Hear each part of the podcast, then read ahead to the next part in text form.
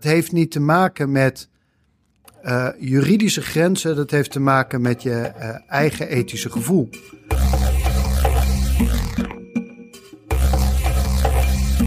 Stel, je bent een hacker en je stuit op een mega beveiligingslek in de software van een bedrijf. Dan kun je proberen dat bedrijf te bellen of te mailen om ze onbaatzuchtig op de hoogte te brengen. In de hoop dat het bedrijf je dan serieus neemt en dat ze niet meteen de politie op je afsturen, omdat je dat lek tenslotte alleen maar kon vinden door bij ze in te breken. Of misschien hou je het uit angst voor gedoe wel liever bij jezelf. Iemand anders moet het dan maar oplossen. Of je belt wel naar een bedrijf, maar komt meteen ter zake. Je wil graag eerst rijkelijk beloond worden voordat je ook maar iets prijsgeeft. En tenslotte zou je nog je geluk kunnen beproeven op de dark web, waar dit soort informatie goud waard is. Tja, wat zou jij doen? Hoe dun is de scheidslijn eigenlijk tussen ethisch hacken en criminele activiteiten? En wat maakt nou dat een hacker wel of niet het goede doet?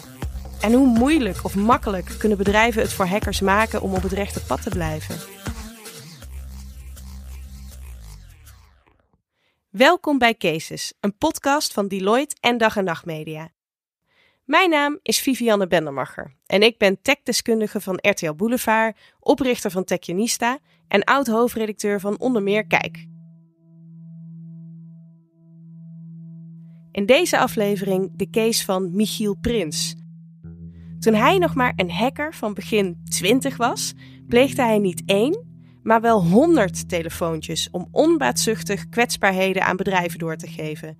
En dat was het begin van zijn nu mega succesvolle internationale bedrijf HackerOne, dat de brug slaat tussen hackers en bedrijven met als doel het internet veiliger maken.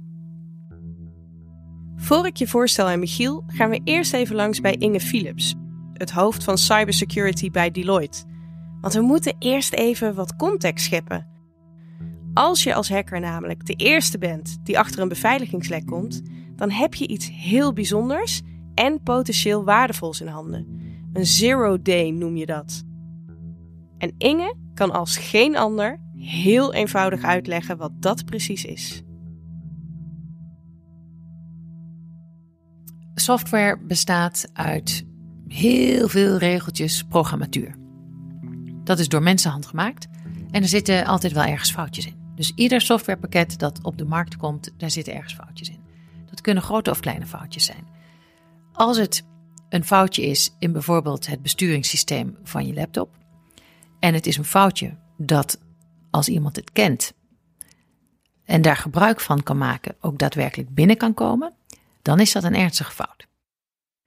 Iemand is bezig met het kijken, het onderzoek doen aan een systeem omdat iemand iets aan het repareren is of iemand is op zoek naar nieuwe toepassingen van een bepaalde techniek of een bepaalde software. Stuit dan op een, op een fout in de programmatuur. Dan meldt hij aan de producent van die software: Let op, ik heb een foutje ontdekt, het ziet er zo uit. Op dat moment zegt de, eh, de producent van die software: Oké, dankjewel, we gaan het repareren. En dan zetten ze op de lijst van te repareren gaatjes in onze software. Een zero day is een ontdekte kwetsbaarheid die niet gemeld is aan de producent.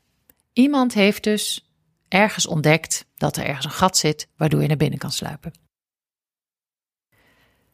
Dat kan je verkopen. Dat is informatie waar mensen heel veel geld voor over hebben. In de eerste plaats de producent zelf.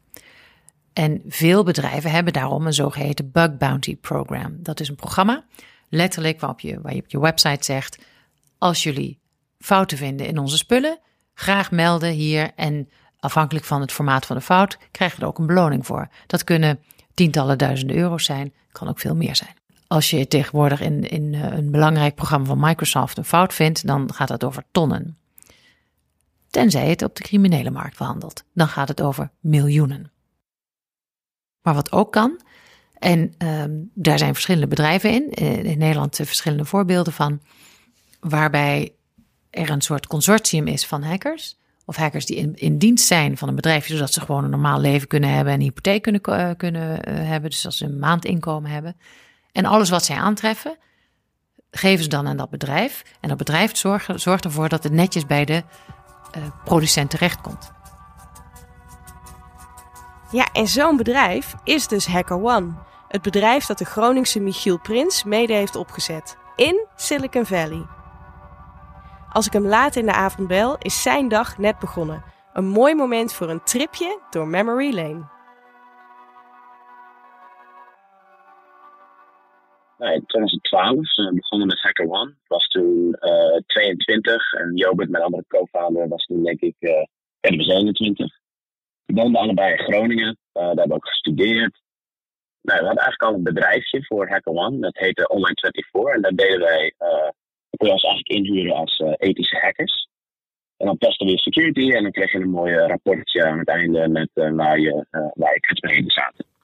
Maar voor de jonge twintigers is de sky the limit. En hoewel ze in Groningen met Online 24 al een aardige business hebben lopen, lonkt het epicentrum van de techbedrijven. Silicon Valley. Als Michiel en Jobert Marijn tegen het lijf lopen, die niet alleen in Groningen, maar ook in Silicon Valley in huis heeft, filosoferen ze samen hoe gaaf het zou zijn om mee te gaan naar het mekka van de tech. Waar Google vandaan komt, maar ook Facebook, Twitter en eigenlijk alle coole bedrijven die ertoe doen.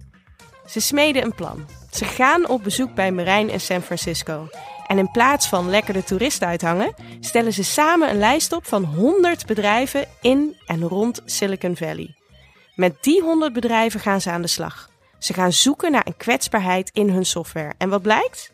Ze kunnen eigenlijk in alle 100 gevallen wel iets vinden. Na een minuut of 15 hacken hebben ze meestal weer iets te pakken dat de moeite waard is om aan een bedrijf te melden. Maar dan begint de volgende uitdaging een contactpersoon vinden binnen een bedrijf aan wie ze hun ontdekking kunnen laten zien. Misschien ga je de CTO bellen, customer service bellen. Nou, het is eigenlijk allemaal best wel uh, lastig om een bedrijf te bereiken als jij ja, best dringende informatie hebt om, uh, om een kwetsbaarheid te melden. En daar is eigenlijk ook een beetje het idee van HackerOne vandaan gekomen. Want daar is zoiets, ja, wij proberen nog in contact te komen met deze bedrijven. Maar er zijn ook heel veel uh, goedwillende hackers in de wereld die misschien ook wel dit soort kwetsbaarheden vinden, maar denken, ja, ik ga het niet melden, want A, ik weet niet hoe. En B, het is ook nog best wel gevaarlijk, want je weet natuurlijk niet hoe zo'n bedrijf erop gaat reageren. En dat is eigenlijk hoe we zijn begonnen met uh, HackerOne, om een uh, platform te creëren waar uh, ethische hackers veilig nou ja, kwetsbaarheden kunnen melden aan, aan bedrijven die op ons platform zijn aangesloten. En hoe reageerde het allereerste bedrijf dat jij benaderde van die top 100? Volgens mij was dat het bedrijf Facebook. En daar, daar hebben we ook business uitgekregen. Uh, en uiteindelijk is ook uh, de head of security die toen bij Facebook werkte, is nu ook een van de medeoprichters van HackerOne. Wauw, het was gewoon meteen Facebook. Dat is wel heel cool. Ja, we wilden, wilden dan onszelf een beetje challengen. Dus uh, volgens mij hadden we eerst op Facebook al ge-mailed. En die hadden gezegd van, nou ja, als je een uh, bug kunt vinden, dan kunnen we verder praten. Nou, een uurtje later zeiden we, oh, nou, we hebben een bug. Dus uh, laten we maar gaan praten. Over wat voor soort bugs we het dan hebben? Over alles waarbij persoonlijke gegevens van gebruikers op straat kunnen belanden. Ik merk nog wat cynisch op dat ze bij Facebook vast geen gebrek hebben aan dat soort bugs, waarop Michiel heel diplomatiek antwoordt dat ze nog steeds wel dingen doen voor Facebook.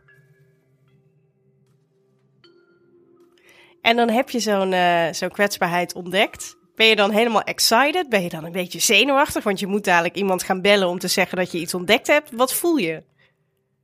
Ja, aan de ene kant voel je een soort van, ja, een soort van rush van, oh nice, ik heb echt iets cools gevonden. En dat hangt natuurlijk vanaf uh, hoe makkelijk het is om te vinden. Uh, maar met name de kwetsbaarheden waar je lang over doet om, uh, om het daadwerkelijk te vinden. Dat zijn de, de leukere momenten. Als je echt een soort van puzzel hebt opgelost je, je weet dat er iets zit en je combineert eigenlijk meerdere kleine signalen. En dan heb je eenmaal uitgevonden hoe de puzzel in elkaar zit. Dan vind je de kwetsbaarheid en dat is een, een leuk gevoel.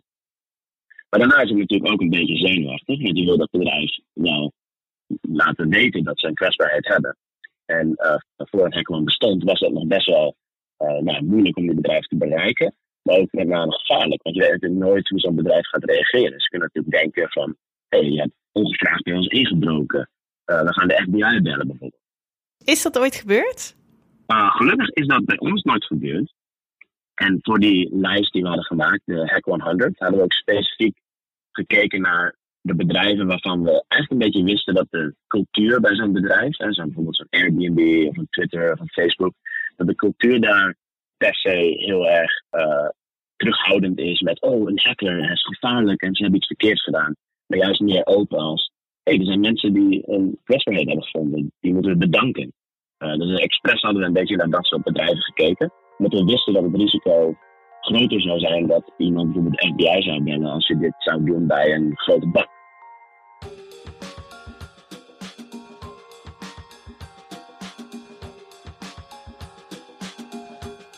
Bij elk telefoontje nemen de mannen een educated guess. Nee, het zijn vast geen bedrijven die de FBI gaan bellen, maar bedrijven die onze hulp waarderen. En toch blijft het spannend, want je weet nooit zeker hoe een bedrijf reageert. En je moet er toch niet aan denken dat je wel ineens de FBI op je dak krijgt? De vraag rijst: waarom zou je überhaupt al die moeite doen? Uh, op dat moment was het uh, uh, voor ons, nou ja, we hebben weer een kwetsbaarheid opgelost. er is nog een kwetsbaarheid minder op het internet, zeg maar. En we hebben dat bedrijf geholpen. nou ja, vaak kreeg je dan een bedankje als ze reageerden. maar in sommige gevallen leidde het ook tot business voor. Dus dan zei een bedrijf van, hey, als jullie dit gevonden hebben, dan zouden jullie ook willen kijken naar of jullie meer kunnen vinden. En dan willen jullie dat voor betalen. Hoe kun je nou als bedrijf het beste samenwerken met hackers? Mijn is in ieder geval elk bedrijf moet zichzelf maar, bereikbaar maken voor derde partijen. En dat zou een ethisch hacker kunnen zijn, het kan ook je klant zijn. Of het kan ook gewoon iemand zijn die toevallig een kwetsbaarheid vindt in jouw software. En uh, als, je, als je moeilijk te bereiken bent, dan loop je de kans dat zo'n persoon dat nooit aan je gaat melden. En dan mis je dus, mis je dus eigenlijk de kans om die informatie uh, te ontvangen en een kwetsbaarheid op te lossen. En dat noemen we eigenlijk responsible disclosure, zo wordt het in Nederland ook vaak genoemd. Er zijn andere termen voor, zoals vulnerability disclosure, coordinated vulnerability disclosure. Dat zijn een beetje de termen die het concept beschrijven, waar een bedrijf uh, zichzelf makkelijk te bereiken maakt. In het geval dat iemand een kwetsbaarheid vindt en dat wil melden. Dat gaat vaak om een pagina op je website waar je uitlegt als je een kwetsbaarheid vindt in onze systemen, uh, dan kun je dat melden via een e-mailadres of soms via een formulier dat je in kunt vullen en dan stuur je dat in. Uh, dat is eigenlijk de eerste stap die, waarvan ik vind dat elk bedrijf in ieder geval uh, moet zetten om zichzelf bereikbaar te maken. -hmm. En aan de andere kant hebben we de hacker die naar een bedrijf kan bellen als hij een kwetsbaarheid heeft gevonden. Hoe voorkom je dat een hacker zijn boodschap zo brengt dat een bedrijf zich gechanteerd kan voelen?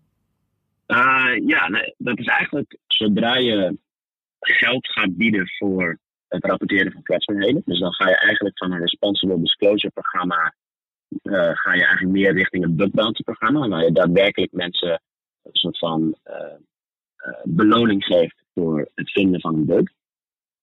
Als je die stap maakt terwijl je te vroeg bent in je, in je organisatie, dus je bent er nog niet helemaal klaar voor, dan kun je in dat soort situaties lopen. Dus dat, dat is ook een van de toegevoegde waarden die een platform als HackerOne biedt. Is dat je makkelijk kunt samenwerken met dat soort hackers. En we hebben ook een heel groot team die eigenlijk ja, intern dit soort die taken van uh, een beetje wegneemt van, van onze klanten. Zodat zij zich kunnen focussen op het fixen van kwetsbaarheden. En dan doen wij eigenlijk een beetje, wij handelen het af, een beetje hoe je communiceert met de hacker, hoe je de juiste expectation geeft aan een hacker hoeveel ze betaald gaan krijgen voor een bepaalde bug. Uh, daar begint het eigenlijk allemaal mee. Zodra je beloningen gaat bieden, moet het heel duidelijk zijn hoeveel iemand zou krijgen, wat een grote beloning is voor het type kwetsbaarheid dat ze gaan vinden. En meestal heeft dat te maken met de impact van de kwetsbaarheid. Hoe meer impact het heeft, hoe, meer de, hoger de beloning is. Maar als daar een beetje vaagheid in zit, dan is er, is er altijd ruimte voor een hacker om een beetje te gaan onderhandelen. Dus hoe duidelijker je die regels maakt, uh, hoe, hoe makkelijker wordt om, om samen te werken met de hacker. Toch voelt het als veel gedoe voor een hacker. Tuurlijk, het goede doen is mooi en het internet veiliger maken is een heel nobel streven. Maar het klinkt niet eenvoudig. En ik kan me voorstellen dat het soms makkelijker, of in elk geval lucratiever is, om je informatie in de donkere krochten van het internet te verkopen. Wat me toch terugbrengt bij mijn oorspronkelijke vraag.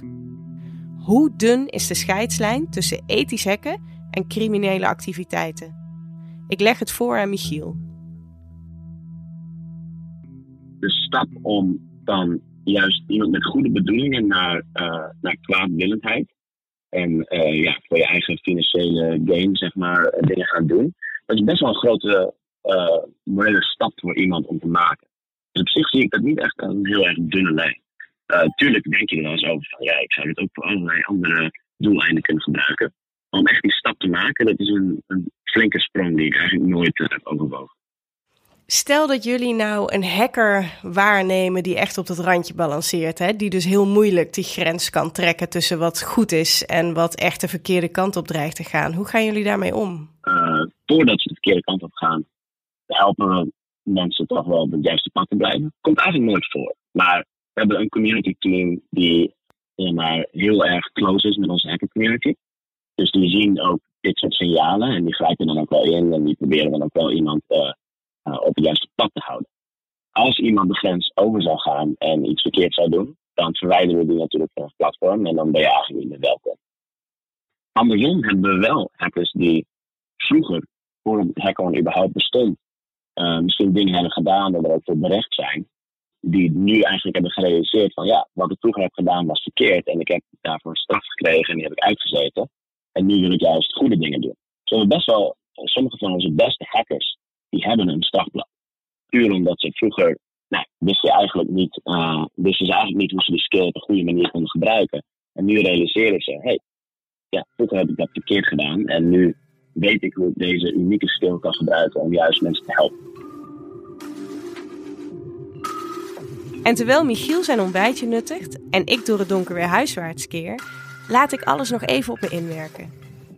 Ik zie helemaal voor me hoe een stel jonge twintigers nog ongeremd door angst om te falen of voor vervolging gewoon maar zijn begonnen. Zij durfden hun tanden te zetten in een potentieel best wel gevaarlijke klus. Op zoek gaan naar gaten in de software. En dat heeft ze bepaald geen windeieren gelegd. Inmiddels kunnen die jongens uit Groningen Spotify, Starbucks, Airbnb, Nintendo, Twitter en Google tot hun klanten rekenen, om er maar een paar te noemen. Maar toch, inbreken om vervolgens te helpen met de beveiliging? Wat vindt justitie daar eigenlijk van? Die vraag stel ik aan Martijn Egbers, officier van justitie. Als ik vanuit daar vertrek, ben ik super blij met mensen die proberen beveiligingslekken te ontdekken. Zolang ze die maar melden. want dan hebben we er nog wat aan. Als je die voor jezelf houdt um, om geld mee te verdienen, ja, dan wordt het lastig. Want dan ga je de criminele kant op. Maar ik ben heel blij dat er getalenteerde mensen zijn uh, die zeggen: Ik ga proberen beveiligingslekken te ontdekken. Ik volg er behoorlijk wat op Twitter. Nou kan ik me voorstellen als hacker dat de scheidslijn tussen het goede doen, namelijk een beveiligingslek ontdekken en dat melden, en de verkeerde kant op gaan, dat beveiligingslek ontdekken en iemand afdreigen, dat die, die scheidslijn heel dun is. Die scheidslijn is echt super duidelijk, keihard en voor iedereen volgens mij niet zo moeilijk te begrijpen. Maar dat heeft niet te maken met uh, juridische grenzen, dat heeft te maken met je uh, eigen ethische gevoel. En dat is best wel moeilijk bij minderjarigen die volop in ontwikkeling zijn, niet erover kunnen praten met hun ouders die het niet begrijpen. Um, daar moeten die, die jongens, het zijn meestal jongens, in begeleid worden, zodat ze de juiste keuzes maken. Maar dat als jij een lek vindt en je weet ergens binnen te komen, dat als je linksaf gaat je een crimineel bent en als je rechtsaf gaat je dat niet bent, dat is volgens mij niet zo moeilijk. Maar je moet die jongens wel helpen de juiste keuze te maken. Maar nu ben je zo'n zo'n uh, zo'n jochie, zal ik maar zeggen, hè? minderjarige jongen. En uh, ik heb een beveiligingslek ontdekt en dan bel ik een bedrijf. Dan kan ik zeggen, joh, ik heb een beveiligingslek ontdekt en ik kan je nu vertellen wat het is. En dan ben ik hartstikke braaf. Ik kan ook zeggen, ik heb dat lek ontdekt, maar ik wil er wel wat voor terug hebben. Wat ik ook begrijpelijk vind. Waar ligt dan de grens tussen chanteren en uh, heel braaf een zero days melden waar je toch ook wel een nou, vergoeding voor zou willen hebben? Kijk, daar is de grens niet zo duidelijk. Um, ja, kan ik vanuit gewoon menselijk perspectief begrijpen dat die, dat die jongeren of die ontdekkers er geld voor willen hebben. Ze hebben er hard voor gewerkt vaak. Dus ja, dat begrijp ik best. Is het gebruikelijk dat je alleen maar een t-shirt krijgt of een andere beloning? Ja, dat is in die markt gebruikelijk. Dus als je meer krijgt, dan heb je mazzel eigenlijk. Daarin kan ik niet zo makkelijk zeggen waar een grens ligt. Waar ik heel blij mee ben en wat ik steeds meer uh, zie, is dat er bug bounty programma's komen waarbij je gewoon harde dollars of euro's kan verdienen als je dit soort beveiligingslekken ontdekt. Nou, als jij iemand bent die er goed in is en die zegt: Ik heb genoeg t-shirts, ik wil gewoon harde dollars. Meld je vooral aan bij HackerOne. Meld je aan bij de bug bounty programma's van Google, van Apple en andere grote bedrijven. En verdien er gewoon flink wat geld mee. Super, moeten we vooral uh, uh, doen. En dat je er dikke euro's mee kunt verdienen, staat buiten kijf. Ook als je dat op een ethische manier doet. Bijvoorbeeld door je aan te sluiten bij een bug bounty programma. En bedrijven doen er goed aan om vooral samen te werken met een bedrijf als HackerOne.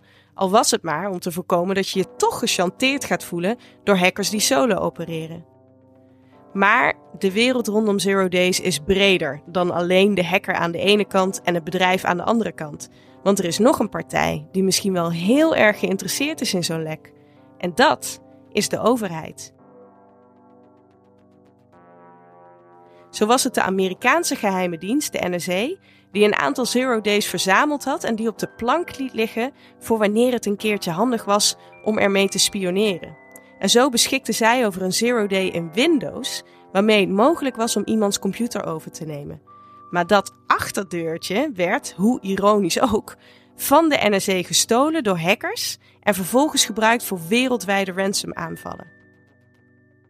Ja, lekker dan. Zou een overheidsinstantie niet juist onmiddellijk naar een software-eigenaar, in dit geval Microsoft, moeten stappen om zo'n zero day door te geven?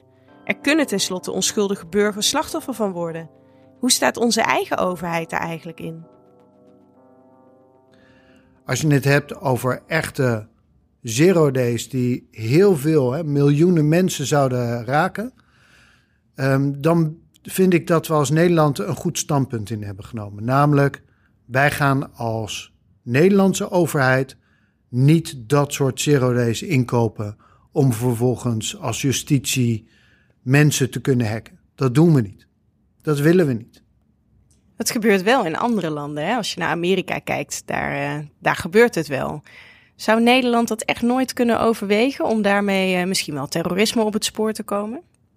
Of Nederland dat nooit kan overwegen, dat weet ik niet. Dus eh, je kan altijd scenario's verzinnen waarbij de belangen te groot zijn om het niet te doen. Uh, maar we hebben met de invoering van CC3 met elkaar afgesproken dat wij geen zero days gaan kopen. Betekent niet dat we ze niet kunnen ontdekken. En daar is in de wet ook een hele regeling voor opgenomen. Wat als politie en justitie die ontdekken? Uh, hoe lang mag je dan wachten of moet je melden? Of in andere landen daadwerkelijk zero days allemaal op de plank worden gelegd om ze later door de politie te laten gebruiken, dat weet ik eigenlijk niet of dat wel zo is. Het is wel zo dat je hacksoftware kan kopen. Alleen als politie wordt je niet verteld of daar zero days in zitten. Het is niet dat een bedrijf zegt, nou, hier heb je een pakket hacksoftware. Dit zijn de zero days die we erin hebben gestopt. Dan, eh, dan hoeven ze producten niet meer te verkopen. Dus dat weet je niet. Dat is lastig.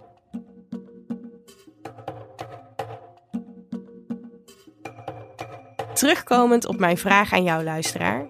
Nu je deze aflevering geluisterd hebt, hè, wat zou jij doen als je als hacker op een enorme zero day stuit? Hoe dun of dik is volgens jou nou die scheidslijn tussen goed en kwaad in de wereld van hacken? Heel eerlijk, ik weet het nog steeds niet zo goed. En wat nou als je als bedrijf op een dag een telefoontje krijgt van een hacker die beweert dat hij een beveiligingslek heeft gevonden? Dan hoop ik dat je er iets minder hard van schrikt dan je misschien had gedaan voor je naar cases luisterde. Al weet je het nooit zeker. Sommige dingen blijven nou eenmaal schimmig in de wereld van cybersecurity. Ongrijpbaar. Net zoals een zero day. Want zodra je erover hoort, is het eigenlijk al geen zero day meer. Dit was Cases, een podcast van Dag en Nacht Media en Deloitte. Abonneren op deze podcast kan via iTunes en Spotify. Of natuurlijk via je favoriete podcast-app. Laat ons weten wat je van deze aflevering vindt in de reviews van iTunes of via Twitter, waar ik te vinden ben via @vbendermacher. Met dank aan de redactie Tim de Gier en Volkert Koehoorn. Tot de volgende keer bij Cases.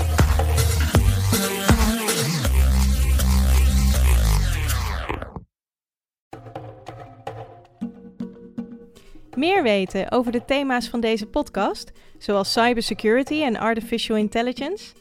Op DeloitteForward.nl delen experts elke dag hun kennis in artikelen, documentaires en podcasts, zoals deze. DeloitteForward.nl is het platform waar innovatieve leiders op de hoogte blijven. Dat wil jij niet missen. Kijk snel op DeloitteForward.nl en tot snel bij Cases.